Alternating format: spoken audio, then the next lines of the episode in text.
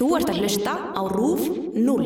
Ég er svona að reyna að fá hugmynd út frá peysunni sjálfur en síðan er ég líka oft bara með einhverjar hugmyndir. Ég held að sé oft einhverjar svona reyfingar bara á líkamannum sem að gefa mér hugmyndir og ég vinn einhvern veginn svolítið með líkama í líka bara þemunum að líkamar er eitthvað svo fyndnir og vinn með fyndnir líka. Þannig að er að vera einhvern veginn uppbrót á kannski bara venjulega, venjulega prjónaða peysu ef að allir færi bara að skreita peysuna sínar einhvern veginn skemmtilega að væri kannski aðeins skemmtilega að horfa kringu sig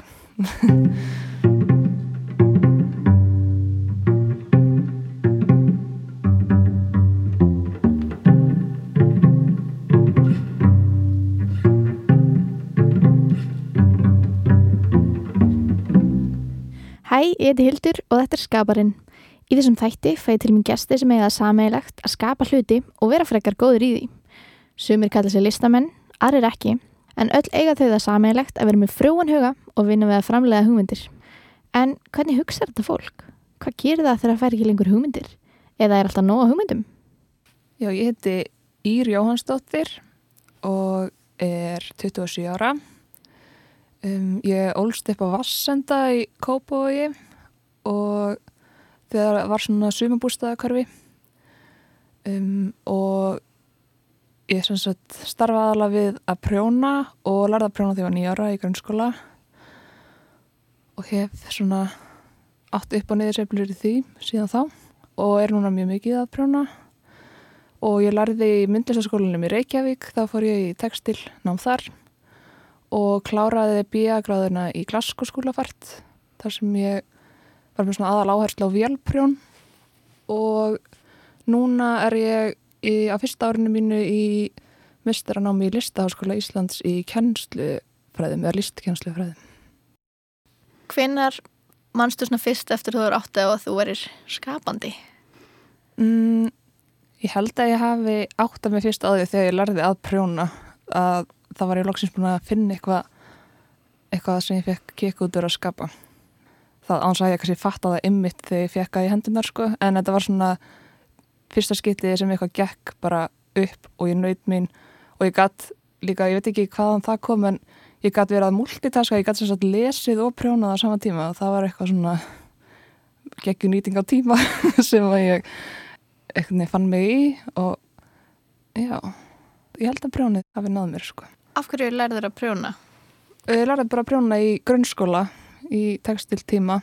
Ég var með umsuna kennara sem var textilkennarin minn þannig hún svona náði til minn eitthvað neginn og svo fann ég mig bara í þessu. Og mannstu hvað þú varst að prjóna svona fyrstum sinn? Aðalega bara eitthvað húfur og eitthvað en ég held samt að ég var að og það er búin að prjóna peysus eða slopapeysu. Síðan skipti ég um skóla og hitti síðan aftur krakkasúrum verið skóla þá í mentaskóla og þau myndi eitthvað, já, er þú ekki hérna ír sem var alltaf að prjóna þannig að það var eitthvað það varð bara eitthvað, ég veit ekki kannski eitthvað þráhyggja eða eitthvað í mér með það Og varst það að prjóna bara heimaðir og í skólanum eða hvernig? hvernig Já, ég prjónaði mjög mikið heima bara, ég var alltaf náttúrulega að lesa Andriðsblöð eins og maður gerði þá og gæti þá að verða að prjóna og að lesa á meðan núna er maður kannski meira að prjóna og hlusta podcast eða horfa Netflix Þannig að þú ert alltaf að gera eitthvað á meðan, þú ert aldrei bara að prjóna. Já, yfirleitt, núna tek ég á prjónum með mér í tíma líka og svona þetta tekur rosa langan tíma þannig að maður þarf alveg að finna líka tilumni til að geta tekið með sér. En þegar þú varst barn, varst ekki, þú varst ekki að skapa okkur annan hátt, var alltaf þetta sem átti hugaðinn? Nei, ég var nú líka alveg að teikna fullt og líka bara leik mér mjög mikið út í gardi að þau voru með risastóran garð þannig ég var alltaf með eitthvað að bangsa og slæður og eitthvað að barbita okkur út í lúpinu lundi og svona og voru með hænur líka sem var þetta að leika við. Og svona þannig að var alveg ég held að ég hef líka bara fengið kannski svolítið gott umhverfi til að vera skapandi í. Og hvena vissir þú að þú vildir kannski leggja þetta svolítið fyrir þig? Uh, já, ég, viss, ég veit hvernig það er vissið uh, Ég, ég var búin að æfa á franskt hort mjög lengi og hjálta ég er því hortleikar allir vinni mínu voru að fara í tónlistanám og þau hefði verið rosa mikið í skapandi sumasturum í Kópúi og ég náttúrulega vildi miklu freka að fara í skapandi sumastur í Kópúi heldur en úlingavinnuna og uh, en vildi samt ekki spila á franskt hort því að mér finnst það mjög leðilegt þannig ég fatt að ég geti náttúrulega bara sóttum að gera eitthvað allt annað og sóttu um sagt, að sauma úr gömlum efnum rauðakrossinum og árið eftir fekk ég aftur skamandi sumastur og þá prjónaði ég bara fyrstu peysulínuna mína. Þannig ég væri held ég ekkit hér sko nefn að væri fyrir skamandi sumastur sko. Næ, sjátt þetta þau. Já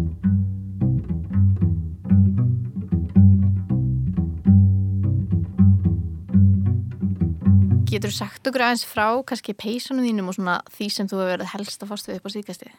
Já, þess að peysulína sem ég gerði 2012 í skapnið sumasturum var smá bara held ég uppæðið af öllu því sem ég hef gert síðan að það hefur allt verið svipum dúr og eða svona ykkur að samtali við þær peysur og síðan hef ég svona það við þróast þá var ég prjónaður alveg frá grunni í höndunum og það tók bara þú veist til marga vikunar að gera eina peysu en það hefur alveg að prjóna vel og þá e, verða aðeins fljóðleira að prjóna frá grunni á prjónavélina en hún er samt líka rammakslaus og bara tekur líka eilið að prjóna hana.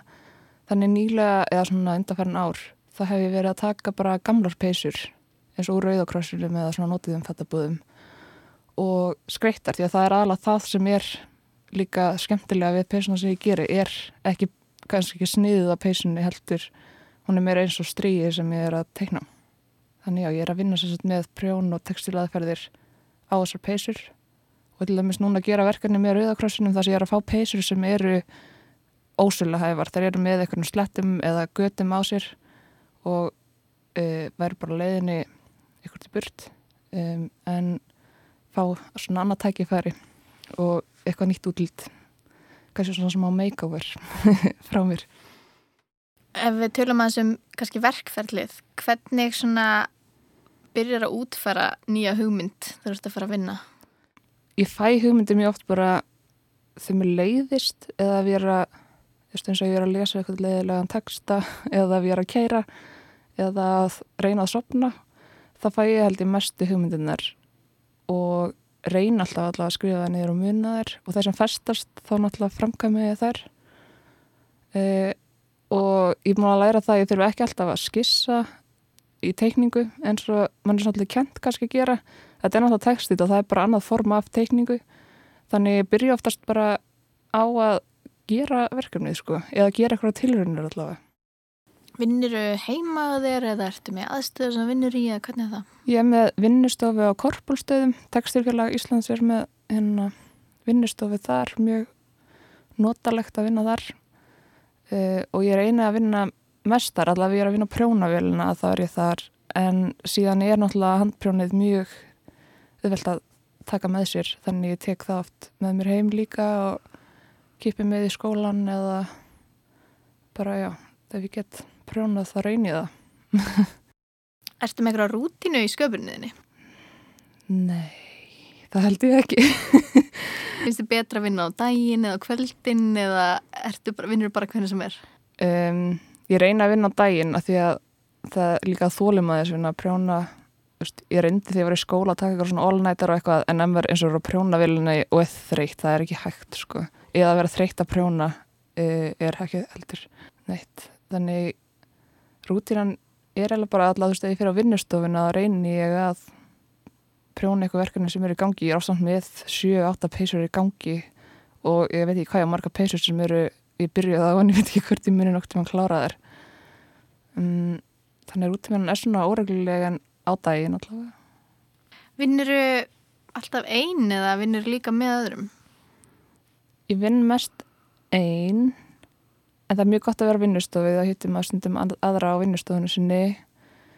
En síðan er ég búin að hugsa núna sko með peysuna sem ég er að vinna í sem eru gamlar peysur það er ég í rauninni að vinna með þeim sem bjóð til peysuna og núna þegar ég er að vinna með peysunar sem eru með slettum eða göttum og er ég í rauninni líka að vinna með manneskinu sem átti peysuna á aður en ég fekk hana. Þannig ég er svona kannski óbeint að vinna með ykkurum sem báða ekkert um það en síðan vinn ég líka með listahópnum mínum þá vinnum við saman að sviðsverkum en þeir eru svolítið ólík bara prjóninu mínu. Getur þú sagt úr eins frá þessum listahópi? Já, við erum sem sagt kynntum svolítið skapandi svimasturum í Kofavogi alltaf að tala um þau.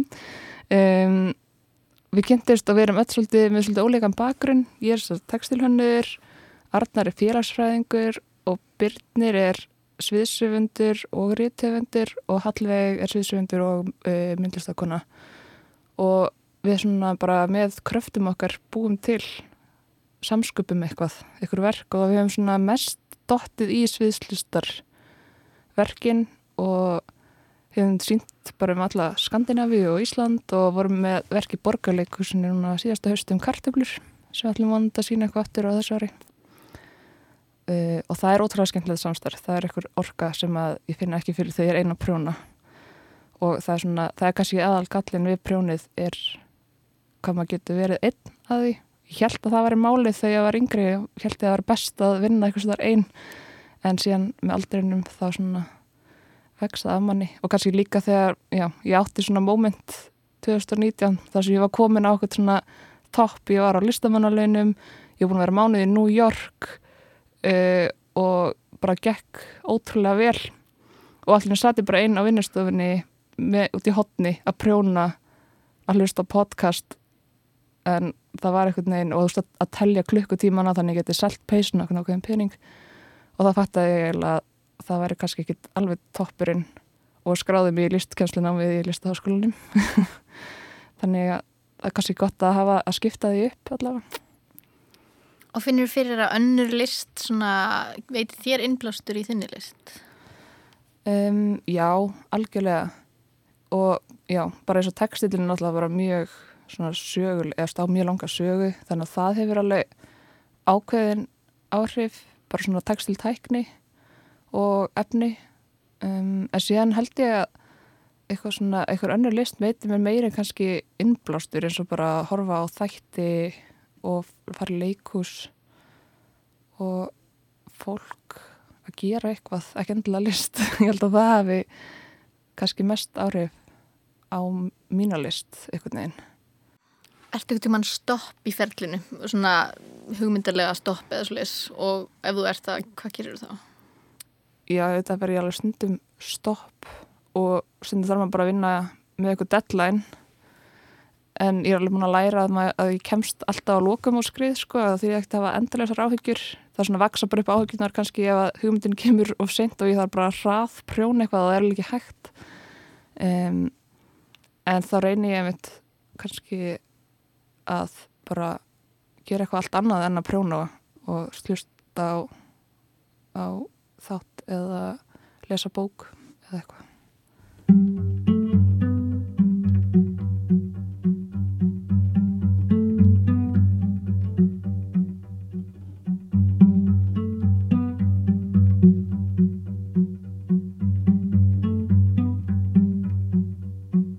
Hvað finnst þið svona mest krefjandi við vinnuna þína?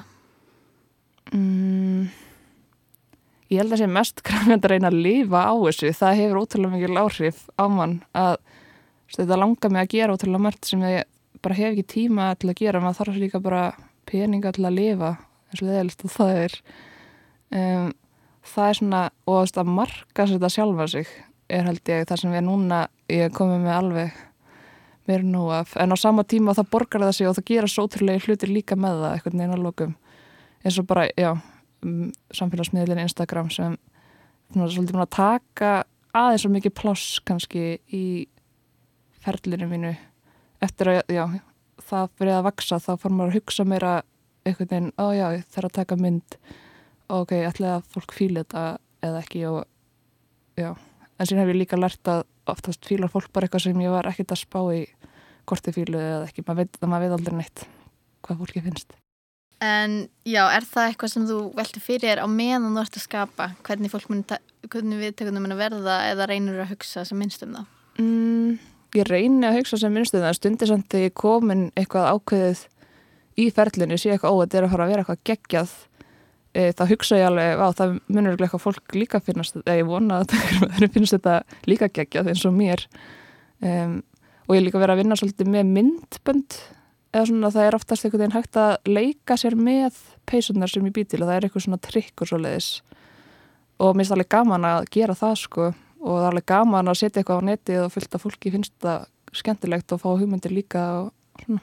Talandi um það, það voru nú einhverjir þekktir einstaklingar sem hafa hrifist af því sem þú gert. Getur þú sagt okkur aðeins frá því og hvernig það Já. kom til? Já, það var út af Instagram uh, sem það kom til. Ég var sérst með síningu í Keflavík 2018 sem var svona endurvinnslu hönnunarsýning og ég beði um að gera þrjár peysur fyrir þá síningu til að hafa og ég gerði eina peysu sem ég kalla sleikpeysuna og það eru svona tungur út úr henni og hún varð mjög vinsæl svona þrejum mánuðum eftir að ég sett hana á netið. Ég ykkur sett hana á sína síðu eða eitthvað svo leiðis og þetta var sérst þegar ég var á Skagaströnd í residensju þá allt í einu bara springur Instagrami mitt upp líka kannski að það er miður vetur og fólk er kallt og langar í peysu. Um, og allt í einu var ég búin að fá tölvuplóst frá stílistanum minna Mæli Cyrus og Erika Badu var að senda mér skilaboð og fleira fólk og það svona vatt upp á sig. Mæli Cyrus fekk þess að peysu en hún hefur ekki látið sjá sig í henni. En í sín hef ég meiri samskipt við Eriku að því síðan fór ég hún fekk svo peysina sem ég var bara í á Skagaströnd og ég senda hana til hennar. Og ætlum fyrst að gera eitthvað skvitinst giftidíl þar sem hún myndi senda mér fullt af peysum á sér sem ég myndi skreita fyrir hana. Eh, en það var ekki alveg því. En síðan þegar ég var í New York februar árið eftir þá bauðum mér að koma hún var bara tvo daga að taka byggu tátt eða eitthvað og bauð mér að koma á hótelu sitt með peysunar sem ég var að sína sett í textilsafninu í New York. Og það var alveg upplifun að fara eitthvað að hitta hanna upp á hótelherbyrgi og hún kefti eiginlega alla peysunar af mér líka. Og hún svona, hún með líðnum svo sé eitthvað svona já, hún er svona eitthvað pe peppari út í heimi sem svona alltaf þegar við ég er svona smá eitthvað, æ það er ekki alveg að ganga þá finnst mér hún alltaf að senda mér eitthvað falleg skilaföð eitthvað, já, eins og í águst þá hún, var hann að senda mér hvað hún væri spennt fyrir veturinnum því þá getur hún verið í allum peysunum sem hann kefti af mér og það var svona einmitt ég var að taka niður síningu sem ég fannst ekki að það var gengið alltaf vel hún, hún, hún nær mér alltaf einhvern veginn að lifta mér upp Varstu aðdæðandana fyrir eða? Eh, Það kannski líka fyndið er að ég vissilega ekkert hverja Erika Badu var þegar hún sendið mér sér skilabóð. Ég þurfti að spyrja fólk í residensi henni hvort þið vissi hver hún væri að því var með svona blátt merki á baku nafni sitt á Instagram og þau voru í sjokki. en það var kannski bara betra því ég held ég hef ekki höndlað þetta jafn vel að fara á hótelið hennar e, að hanga eitthvað e, ef ég hefði verið bara mikill aðdáandi ég, eh, já, ég náði að vera bara mjög slök og þetta voru mjög eðlega samskipti Hvað finnst þér svona skemmtilegast við það sem þú ert að gera? Mér finnst alltaf bara ótrúlega skemmtilegt þegar einhver kaupir að með peysu eða er í peysu og ég veit einhvern veginn af peysunni alltaf einhver starf úti á röldinu einhvern veginn, mér finnst það alltaf jafn gaman sko. Og líka bara að heyra frá fólki eitthvað svona að ég fekk svo geggi viðbröð þegar ég var í peysunni einhvern veginn. Og þetta er svona að að þetta er einhvern veginn bara gangandi þetta er miklu meira en að setja upp í galleri á listasafni. Fólk nennir ekkert alltaf inn á listasafni. Peysunna manns náttúrulega fara bara út um allt einhvern veginn og veit ekkert hvar þar eru og stundum hittast þær líka og svona það er alltaf gaman Tengiru líðan eitthvað við sköpun? Finnst þér þú búa til öðruvísi listir, ert glöð eða leið eða hvernig finnst þér?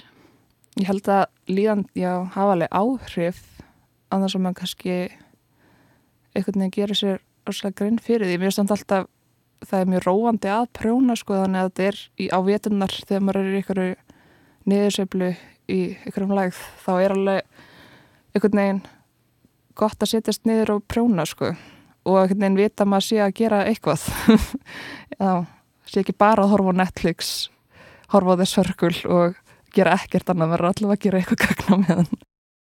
Af hverju ertu svona stoltust á þínum ferli? Ég þessi bara stolt að því að hvað ég næ áttast að vera bara samkvæm sjálfur í mér sko. Ég læti ekkit einhvern veginn eitthvað utan að komandi hafa áhrif á mig eins og það gerir kannski meira í raunveruleikanum en ég held mér alltaf mínu striki í munni list og reyna ekkit að efast of mikið eða neitt þó það komi alltaf tímabil það sem maður efast um allt sem er að gera þá samt einhvern veginn næ alltaf að halda áfram. Og hvernig sér þið svona framtíðina fyrir þér í þinni list? Hvað langaði þig að gera? Mm, núna er ég með eitthvað svona áhuga á því að, að kenna og miðla einhvern veginn áfram skemmtilegum textil og það er, það er eitthvað svona samsköpun í því líka og það er einhvern veginn líka listform að miðla áfram. Uh, en ég sé fyrir mér meira að fara í þá áttina heldur en að ég sé alltaf ein sitjandi að kannski gera sum peysuna aftur aftur eins og ég gaf út yrskutabók af peysunni sem var svona vinsæl þannig að fólk gæti sjálft endurinn í gömlu peysuna sína eða fengið ömmu sína til að hjálpa sér eða vin, já, til að hérna, gera þessa peysu sem það langaði svo í að netinu og þetta er svona eiginlega svona, já, hlý, eitthvað svona hlýðar aðferð að eitthvað svona sustainability hugmynd. Að gefa einhvern veginn, að hafa þetta svona open source hugmynd um að gera eitthvað sjálf fyrir einhvern veginn að ég fara að framleiða allt í slow fashion uh, að fólk fá í uppskritina og gera þetta sjálf og eigi, þar að auki eitthvað svona auka króka það er svo allt annað að búa eitthvað til sjálf heldur en að kaupa peysu sem ég prjónaði fyrir þau sko. Mælir um einhverjum bókum eða hlaðverpum eða þáttum eða einhverju tengt prjóni eða textil sem að fólk geti eftir áhuga?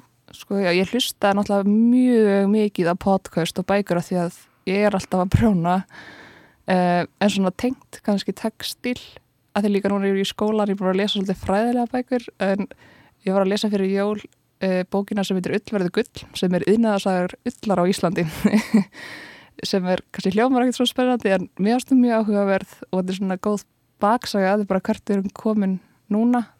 Uh, og það er podcast sem heitir Þjóðurleir þræðir sem er líka um sagt uh, Ullarvinnu á Íslandi sem er alveg áhugavert sko. En síðan hlusta ég mjög mikið á eitthvað allt, allt annað uh, þegar að vinna. Og ég er svona mjög gaman af einhvern svona öðrum raunveruleikum og svoleiðis og þeir hafa rosa mikil áhrif á það sem ég bý til líka. Eitthvað svona, já, sci-fi bókum og svoleiðis, það bók sem ég las svo sem náði mér, að greip mér síðast uh, það var svo smásagnarsapn eftir Olivia Butler minnum hann heitir uh, sem var svona, já, sci-fi smásagnarsapn af svona raunveruleikum sem hún búin að gjörbreyta bara í allt annan heim og með svona útskýringar kapla eftir hvert kapla og það var bara, ég búin að fá fylgta hugmyndum bara út frá því. Og já, og síðan er bara alltaf gaman að hlusta fólk spjalla í podcastum. Ég hlusta á alveg endalust bara einhverjum spjallpodcastum svo ég þarf kannski heldur ekki að fókusa alveg á eins og ég hlusta alveg ljósið sögunar en þá þarf ég að vera vitandi ég sé í smá fókus hlustun Hvað er besta ráð sem þú hefði fengið? Það er svona eitt ráð sem er svona allavega til til að nýlegt það þegar ég var hérna, ég svo tók svona vinnustofudvalir í lúk 2018 þegar einmitt peysunar urðu svona vinsælar og fór á blöndós í textilresidenssíuna þar í desember, byrjun desember og var eini í öllu hverna skólanum sem sko risastór og síðan var einn kona text, hérna vefnaðarlista kona e, í húsinu við hliðin á þannig við borðum alltaf kvöldmátt saman. Uh, og hún er bara eitthvað svona algjört legend uh, í Los Angeles að vefa. Uh, og ég var að sína allt sem ég hafa búin að vera að vinna á vinnustofunni á Skægaströnd og í Þýskalandi og var að sína eitthvað svo trefil sem ég ætlaði að fara með eitthvað markað en það var eitthvað svona smá villa í honum.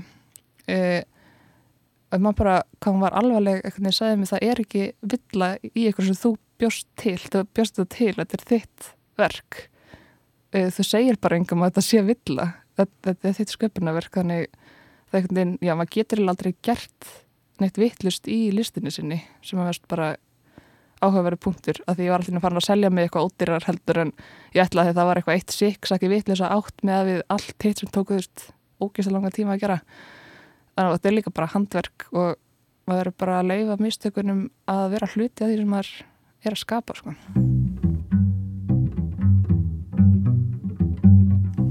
Ég þakka Ír kella fyrir skemmtilegt og fræðandi spjall um prjónaðar peysur. Ef þið hafi áhuga að skoða listin hennar þá mæl ég sérstaklega með Instagram síðan hennar. En nútendarnamni hennar er Íruari og svo er einnig hægt að fara á heimasíðuna hennar sem er netverslun líka, það er íruari.com og þar er eitthvað hægt að kaupa af varningi. Svo verður líka hægt að sjá peysurnar sem hún er að vinna í samstarfi við Rauðakrossin á Hönnumars þannig að það er í lokmars þá verður hún með síningu og mæli sérstaklega með því. Herðu já, Ír, ég bara byrja að helsa Eriku Batu næstur og heitur hana. En ég heiti Hildur, þetta var Skaparinn og takk fyrir mig